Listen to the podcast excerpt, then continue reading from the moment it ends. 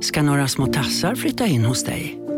Hos Trygg Hansa får din valp eller kattunge 25% rabatt på försäkringen första året.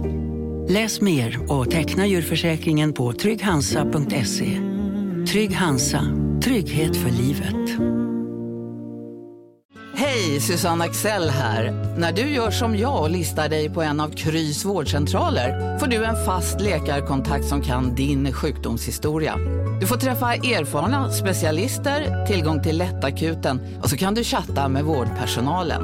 Så gör ditt viktigaste val idag, lista dig hos Kry. Välkommen till Maccafé på utvalda McDonalds restauranger med Baristakaffe till rimligt pris. Vad sägs om en latte eller cappuccino för bara 35 kronor? Alltid gjorda av våra utbildade baristor.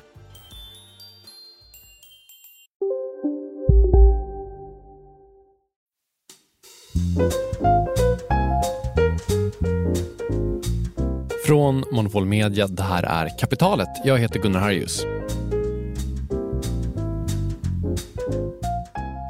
Det finns för många miljardärer. Det är en åsikt som ganska många har i alla fall. Under pandemin, samtidigt som folk i många delar av världen hade det rejält tufft, så skapades det en ny dollarmiljardär var trettionde timme. Enligt Oxfam, som mäter sånt här, så växer också miljardärernas tillgångar oproportionerligt fort. För varje dollar som någon i de undre 99 procenten av världens rikaste tjänar så tjänar den översta procenten två. Men för varje dollar som de understa 90 procenten tjänar så tjänar en miljardär 1,7 miljoner dollar. Det finns liknande mönster inom specifika länder också. Sverige till exempel, där ojämlikheten ökat ganska så drastiskt de senaste åren, har sett antalet miljardärer mätt i kronor fördubblas de senaste åren. Tittar man på tillgångar snarare än på löneutveckling så får miljardärerna det bättre och bättre och springer ifrån oss andra i levnadsstandard och förmögenhet. I andra länder har kritiken mot den här utvecklingen varit ganska hård. Every billionaire is a policy failure är en slogan som bland annat amerikanska vänstern har anammat. Så det är klart att man höjer lite på ögonbrynen när Viktor Hagani, ekonom, för detta hedgefondmanager med mera, säger att vet du vad? Det borde finnas så många fler miljardärer. Well, uh, just to begin, just to uh, set the record straight, we're not sad in, in that there aren't more uh, billionaires. Det han menar istället det är att det är konstigt. Det är konstigt att det inte finns fler miljardärer. Och det är framförallt konstigt att det inte finns fler ärvda miljardärer. Så här, om du hade en miljon dollar i USA i början av 1900-talet och fick den miljonen att avkasta som börsen så hade du idag haft 30 miljarder dollar. Och I början av seklet så fanns det 4 000 familjer med mer än 5 miljoner dollar i förmögenhet. Om de här familjerna hade skaffat snittfamiljer och om de här snittfamiljerna hade fått snittavkastning på att sätta in en miljon dollar och sen så hade dessa snittfamiljer fött barn som skapade sig snittfamiljer med snittavkastning på de här pengarna och så vidare. och så vidare. Då hade det funnits 120 000 personer idag som alla hade varit miljardärer. Men även om man kan tycka att det finns för många miljardärer i världen och i USA så finns det inte 120 000 stycken i USA. Det finns ungefär 400 miljardärer i USA enligt Forbes. Och i princip ingen av dem har en förmögenhet som går att spåra 120 år. Lite beroende på hur man definierar det här så kanske det är ett par tre stycken och någon familj som liksom gemensamt är miljardärer. Men det troligaste är alltså att det inte är en enda person vars förmögenhet kommer från år 1900. Uh, yeah, it is. It is. It is. The, the whole thing is really incredibly surprising and counterintuitive. I mean, it's remarkable that so few billionaires today trace their wealth to these legacies from the early 20th century. Och när Viktor Agani ställdes inför de här siffrorna, det borde vara 120 000 miljardärer, det är i princip inga, så insåg han, före detta hedgefondförvaltare som han är, att någonting är rejält fel med hur folk investerar. Så idag så ska han dela med sig av de här lärdomarna. Hur de här 120 000 personerna faktiskt hade kunnat bli miljardärer, hur de inte blev det och vad man kan lära sig av det här. Hur du skulle tänkt som dollarmiljonär år 1900 för att bli dollarmiljardär år 2023 efter det här.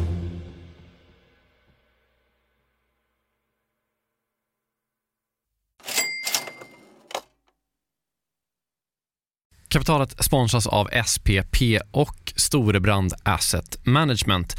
Eh, Storebrand och SPP hör ju ihop sedan många år och utan att gå in på några detaljer här och nu så kan vi i alla fall säga att eh, Storebrand förvaltar över 1200 miljarder kronor bland annat åt just SPP. Och du har ju träffat Storebrand, Jakob, och pratat om eh, Kina Ja, eh, vi, vi pratar i alla fall om hur Kina blivit en sån otroligt viktig del i omställningen av energisystemet. Eh, över 70 procent av värdekedjorna inom vind och solkraft kontrolleras av Kina, vilket mm. är otroligt när man tänker på det. Ja. Och Det handlar om att Kina väldigt tidigt insåg att energi är makt och att man genom sol och vindkraft kan göra sig typ fri från att importera olja och gas och sånt. Then if you think that tomorrow or today's you know power base is going to in a large part be about renewables, then obviously having a stranglehold on those renewables and all the technologies that go into it is going to be part and parcel of that power play. Eh, det här är då Philip Ripman som ansvarar för Storbrand Global Solutions, eh, en fond som investerar i lösningsbolag över hela världen. Mm. Och hela det här avsnittet om Kina och geopolitiken som nu liksom är invävd i den globala omställningen, eh, den släpper vi som en bonus här i kapitalet nu i veckan. Ja, och mer information om Storbrand kommer vi få i kommande avsnitt och eh, man hittar också förstås mer om man vill ha det här och nu på storebrand.se. Vi säger stort tack till SPP och Storbrand. Tack!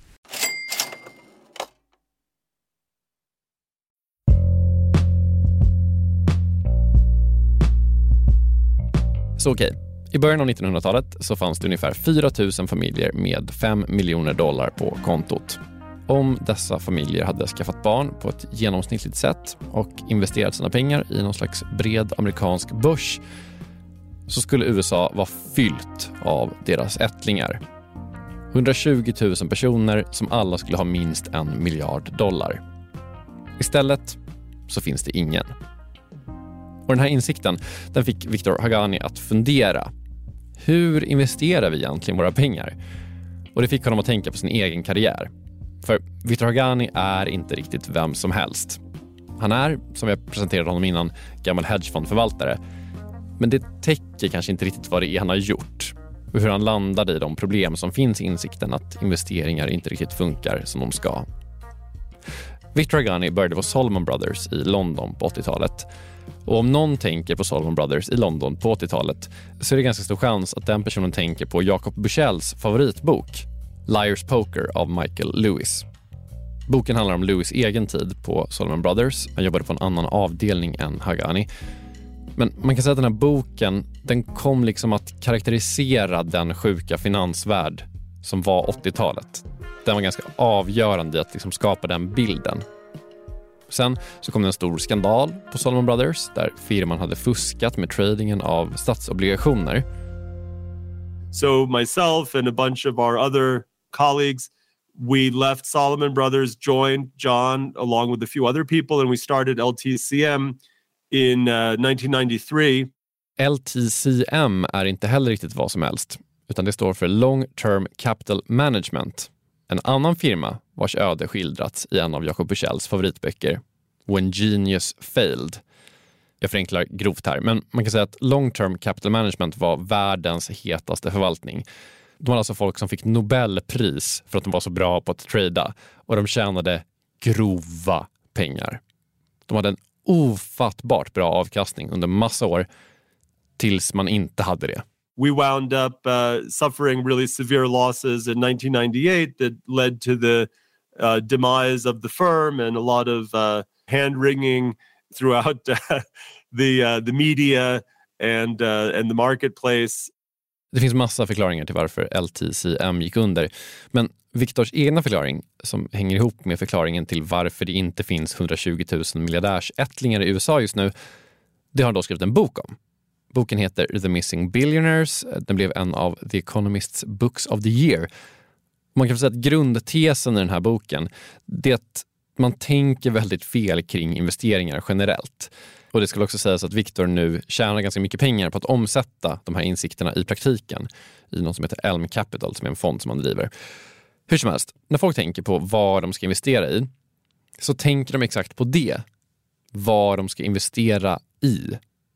Men det finns enligt Victor en mycket viktigare fråga.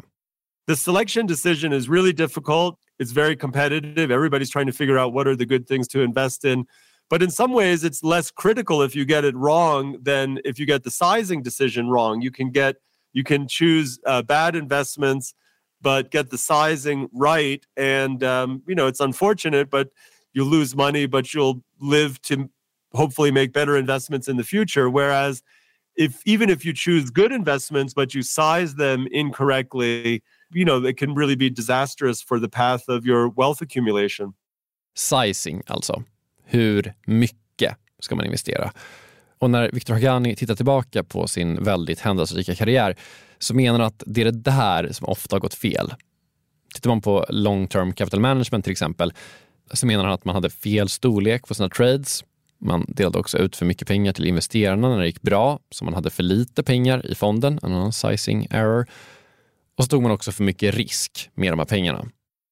Well, I think that uh, you know at the end of LTCM, uh, both the size of the positions that we had were were too big. I think that if we had uh, gone into the 1998 crisis where with positions that were one third as large relative to our capital base, or let's say if we had gone in with three times the capital in the same positions, you know, I'm pretty sure that we would have uh, survived those uh, tumultuous times. Not sure, but I believe so. Så på ett lite mer generellt plan, hur ska man tänka? Det första Viktor Gani menar att man måste göra, det är att sätta ett pris på risk. I grunden, menar han, så finns det en optimal mängd risk som man kan ta Sen finns det jätte, jättemånga mer eller mindre komplicerade matematiska formler för att räkna ut vad den exakta optimala mängden risken är. Men de här uträkningarna gör sig inte så himla bra i podd. Och jag förstår dem inte heller om jag ska vara ärlig. Men Victor menar att man behöver kanske inte göra det riktigt. Man kan ha ett mindset bara. You know, another way that we talk about it in the book is that in general, if you want to think about it, you know, think about any risk that you're looking to take and think about, you know, where's the point at which you just become indifferent to taking that risk versus not taking it. So let's say you're betting on a biased coin. We talk about a lot of biased coin experiments in the book. So somebody comes to you and says, "Okay, here's a coin. I guarantee it's got a 60% chance of landing on heads. Do you want to bet some of your wealth on it?" And you say, "Oh, yes, please. I would like to." And they say, "Do you want to bet 1% of your wealth on it?" And you say, "Oh, yes, please. I'd like to do that." Uh, how about 5%? Uh, yeah, I'd like to do that. How about 10%? Oh, yeah, I think I'd do that. How about 20%? Eh, maybe not. You know, I don't know. I'm kind of indifferent. You know, no, I don't think, you know, maybe I don't, you know, maybe I'd like to bet 17%, but I definitely don't want to bet 25% of my wealth on it. Well, once you get that indifference point, let's say in this case it's 20%, let's just say, then the optimal amount of risk to take is half that amount. Än en gång, det finns matematiska formler och mil med tabeller för att komma fram till det här. Och liksom att hälften av den risken man är villig att ta är oftast den risken som är den optimala. Men Viktor tycker inte att man riktigt behöver de här milen av tabeller. De finns, han kan dem, men det är lättare att tänka på det som mat. Uh, you know, imagine you have some french fries uh, and and you like to put ketchup on your fries. I don't know if we do that in Sweden. Is it a is it a mayonnaise place? No, we, we do ketchup. So it's like I got some fries and I'm gonna put you know, I'm gonna put some ketchup on the fries, and it's like okay, you know, um, you know how much ketchup, uh, you know how much ketchup do I put on there when I get to the point where it's like I don't even want these fries anymore. you know now it's just too much ketchup. I don't even want. I would rather just have no ketchup at all. Well, once you reach that point, you know it's a good guess that the optimal amount of ketchup to put on your fries is half that amount.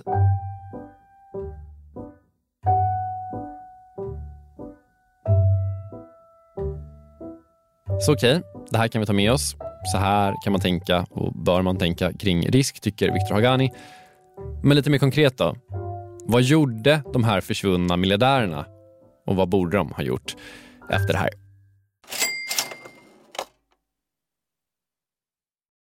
Jakob, vi har ett samarbete med Pareto Business School och det här är jag rejält nyfiken på. För att eh, eh, så här, vi jobbar ju sida vid sida, bokstavligen, sitter bredvid varandra och då och då så håller du upp ett finger och säger nu måste du vara tyst i en timme för nu ska jag eh, göra något Pareto.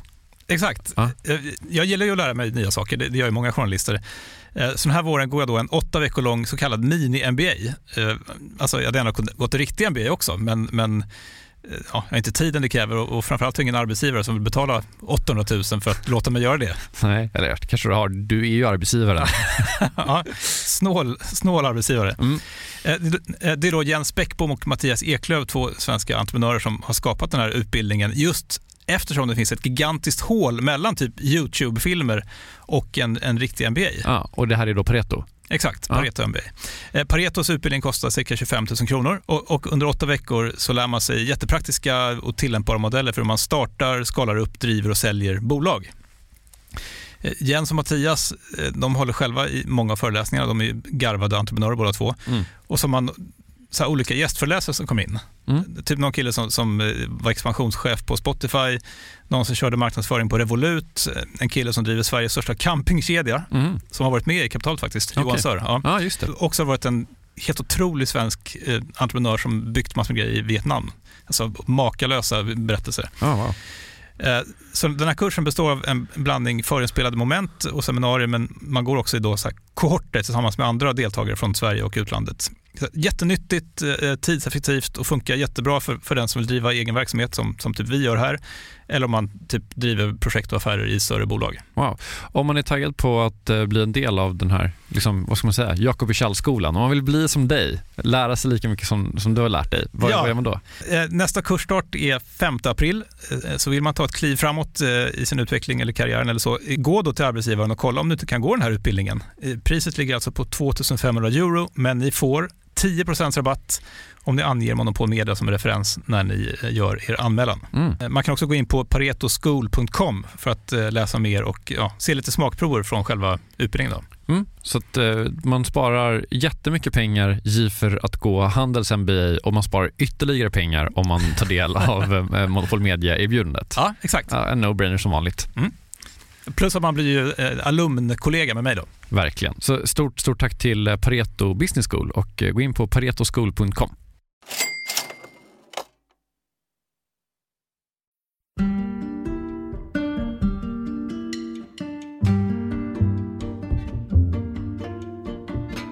Okej, så att Victor Agani, före detta förvaltare på Long Term Capital Management och Solomon Brothers, har haft lite av en identitetskris, tillskriver jag honom just nu han har tänkt att kanske är det så att investeringar som görs fokuserar för mycket på vad och för lite på hur mycket. Han kallar det här för ett sizing problem.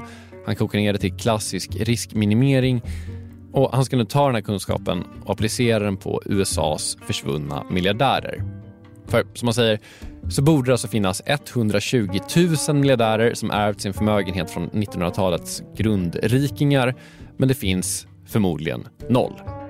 What it points to is that wow, there's some really, really big challenges and difficulties in sensible, consistent, rational uh, financial decision making.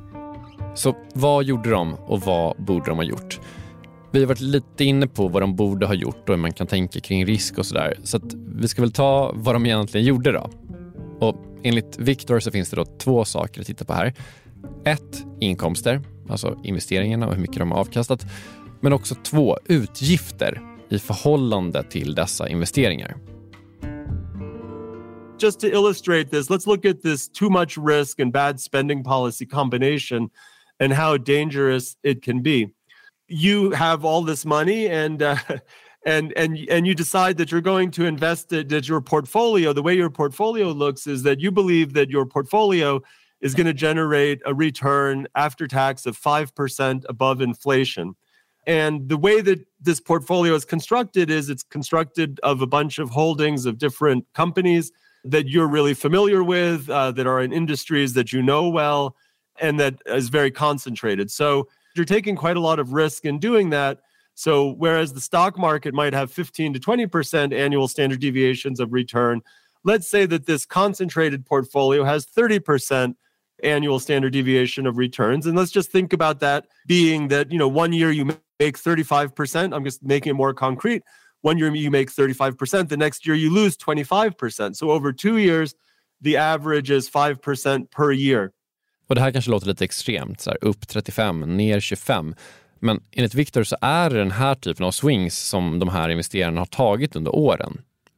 Och Det kokar ner till flera orsaker. Dels självbild. De flesta människor gillar inte att tänka på sig själva som average och de gillar inte att tänka att de inte kan slå marknaden. Och det är väl hyfsat troligt att tänka sig att om ditt efternamn är Vanderbilt så är den här tendensen kanske lite extra stark. Men det kokar också ner till hur de här släkternas investeringar har sett ut från början och att det naturligt har blivit så att de fortsatt har haft slagsida åt olika håll. Uh, you know, we know that uh, a lot of these wealthy families just kept their wealth, uh, you know, in their sort of origin story industry, right? So the Vanderbilt stayed in transportation and railroads. Uh, the Astors, you know, Jacob made his money in fur trading, but then they went into uh, real estate and kind of stayed in real estate for a long time. Och koncentrerar man sitt kapital på det här sättet, man felsizar enligt Viktor, så är det den här typen av risker man får. Både aktiemarknaden och de rikes portföljer ska då i snitt avkasta 5% ish. Men aktiemarknaden har då kanske en volatilitet på 20 och de rikas portföljer på 30. Det kanske inte låter så mycket, men det är en sjukt stor skillnad. Och effekten av de här skillnaderna i volatilitet, den blir extrem. Framför allt i kombination med att personerna också bränner pengar. Uh, so you're going to get that 5%, you know, which is a pretty good return and uh, after inflation. And then you decide, okay, so that's great. I'm going to follow this well-known um, US kind of spending policy. I'm going to spend, uh, I'm going to figure out, I'm going to take 4% of my wealth and that's what I'm going to spend each year adjusted for inflation. So let's say, you know, I have $10 million of uh, savings. So I'm going to spend uh, $400,000 a year and keep increasing that 400,000 with inflation. And somebody might say, okay, well, you know, that seems kind of reasonable. I've got this 5% expected return. Yeah, it's volatile, but it's 5% expected. And I'm going to spend, uh, you know, $400,000 a year uh, growing from there. So I have this fixed spending policy and I've combined it with this risky investment portfolio.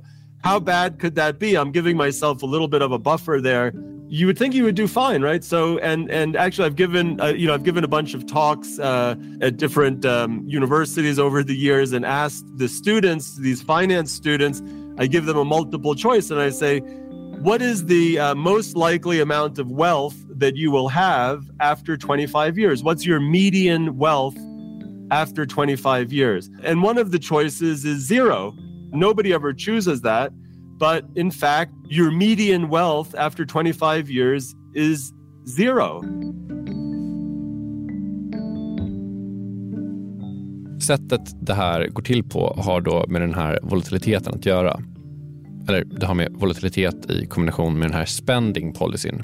Tjäna i snitt 5, bränn 4 procent, som tydligen är en sån vanlig regel som finns för wealth management i USA. The first thing to notice is that I have this 5% annual average return. But if my wealth goes up by 35% and then down by 25%, I, I don't have uh, 110% of my starting wealth. I have 101% of my starting wealth. I've only made 1% over two years. So I'm only making a compound return of half a percent a year from this 5% annual average return. Men du bränner alltså 4 procent. Och då krävs det kanske inte en superdator för att fatta att det här inte går ihop. I början så går det här förfallet ganska långsamt när man simulerar det, men på slutet så går det väldigt fort. Men okej, okay, säger du, en nybliven arvinge i USA år 1900. Nu vet jag vad jag inte ska göra. Så vad ska jag göra då? Hur ska jag hitta rätt nivå för det här? the sensible thing to do, right, is to be very diversified, to have the right risk level. That if you're taking 30% risk in your portfolio, that you need to have a very, very high excess return for that to be optimal or a very low level of risk aversion, which are just very implausible. I mean, I think it's very implausible to have a large portfolio where the uh, expected return of it is high enough to justify a 30% uh, standard deviation of, of returns. So you need to have this 20% excess return if you had a typical amount of uh, risk aversion. Med andra ord, du borde ta mindre risk, du borde sprida ut dina investeringar mer. Det är ju lite samma sak. Och, och i grunden så handlar det här ganska mycket om vett. Hur mycket ketchup är så mycket du pallar? Hälften av så mycket är okej. Okay. kan vi alla ta med oss. Och Victor Hagani menar att man bör ta med sig det här även om man inte står i begrepp att ta över ens familjs päls slash fastighetsbusiness på Manhattan år 1900. You know, I think people are facing these decisions all the time in terms of uh, you know how much do they keep invested in their own business? You know how do they think about their human capital relative to their financial capital? I mean these sizing decisions are just all over the place and they've become even more central with the access that people have now to all kinds of ways to take a lot more risk than was possible say 20 years ago. I mean the uh, the availability of zero commission option trading that individuals are doing the zero commission stock trading all of these ETFs that provide 2 to 3 times leverage wrapped into the ETF so you don't even need to use margin uh, in your brokerage account so all of these different things um, you know have have allowed people to potentially take you know, a lot more risk, I think, than than was easily accessible, you know, back in the day. Even you know, all of the legalized uh, sports betting around the world, you know, gives people uh, makes it makes it just much easier. I mean, sure, there were always bookies that would take sports bets going going way back, but uh, you know, just uh, the availability of all of this, especially on a global basis, and you know, not even throwing in, you know all of this all of the stuff in our digital marketplace of uh, of crypto and and NFTs and uh, DeFi and all of that.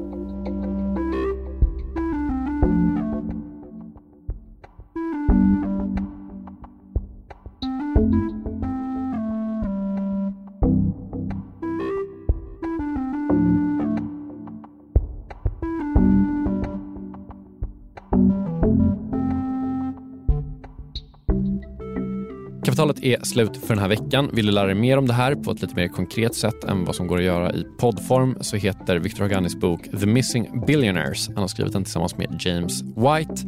Jag heter Gunnar Harjus. Jakob Bichell är ansvarig utgivare. Kapitalet är tillbaka snart igen. Hej då!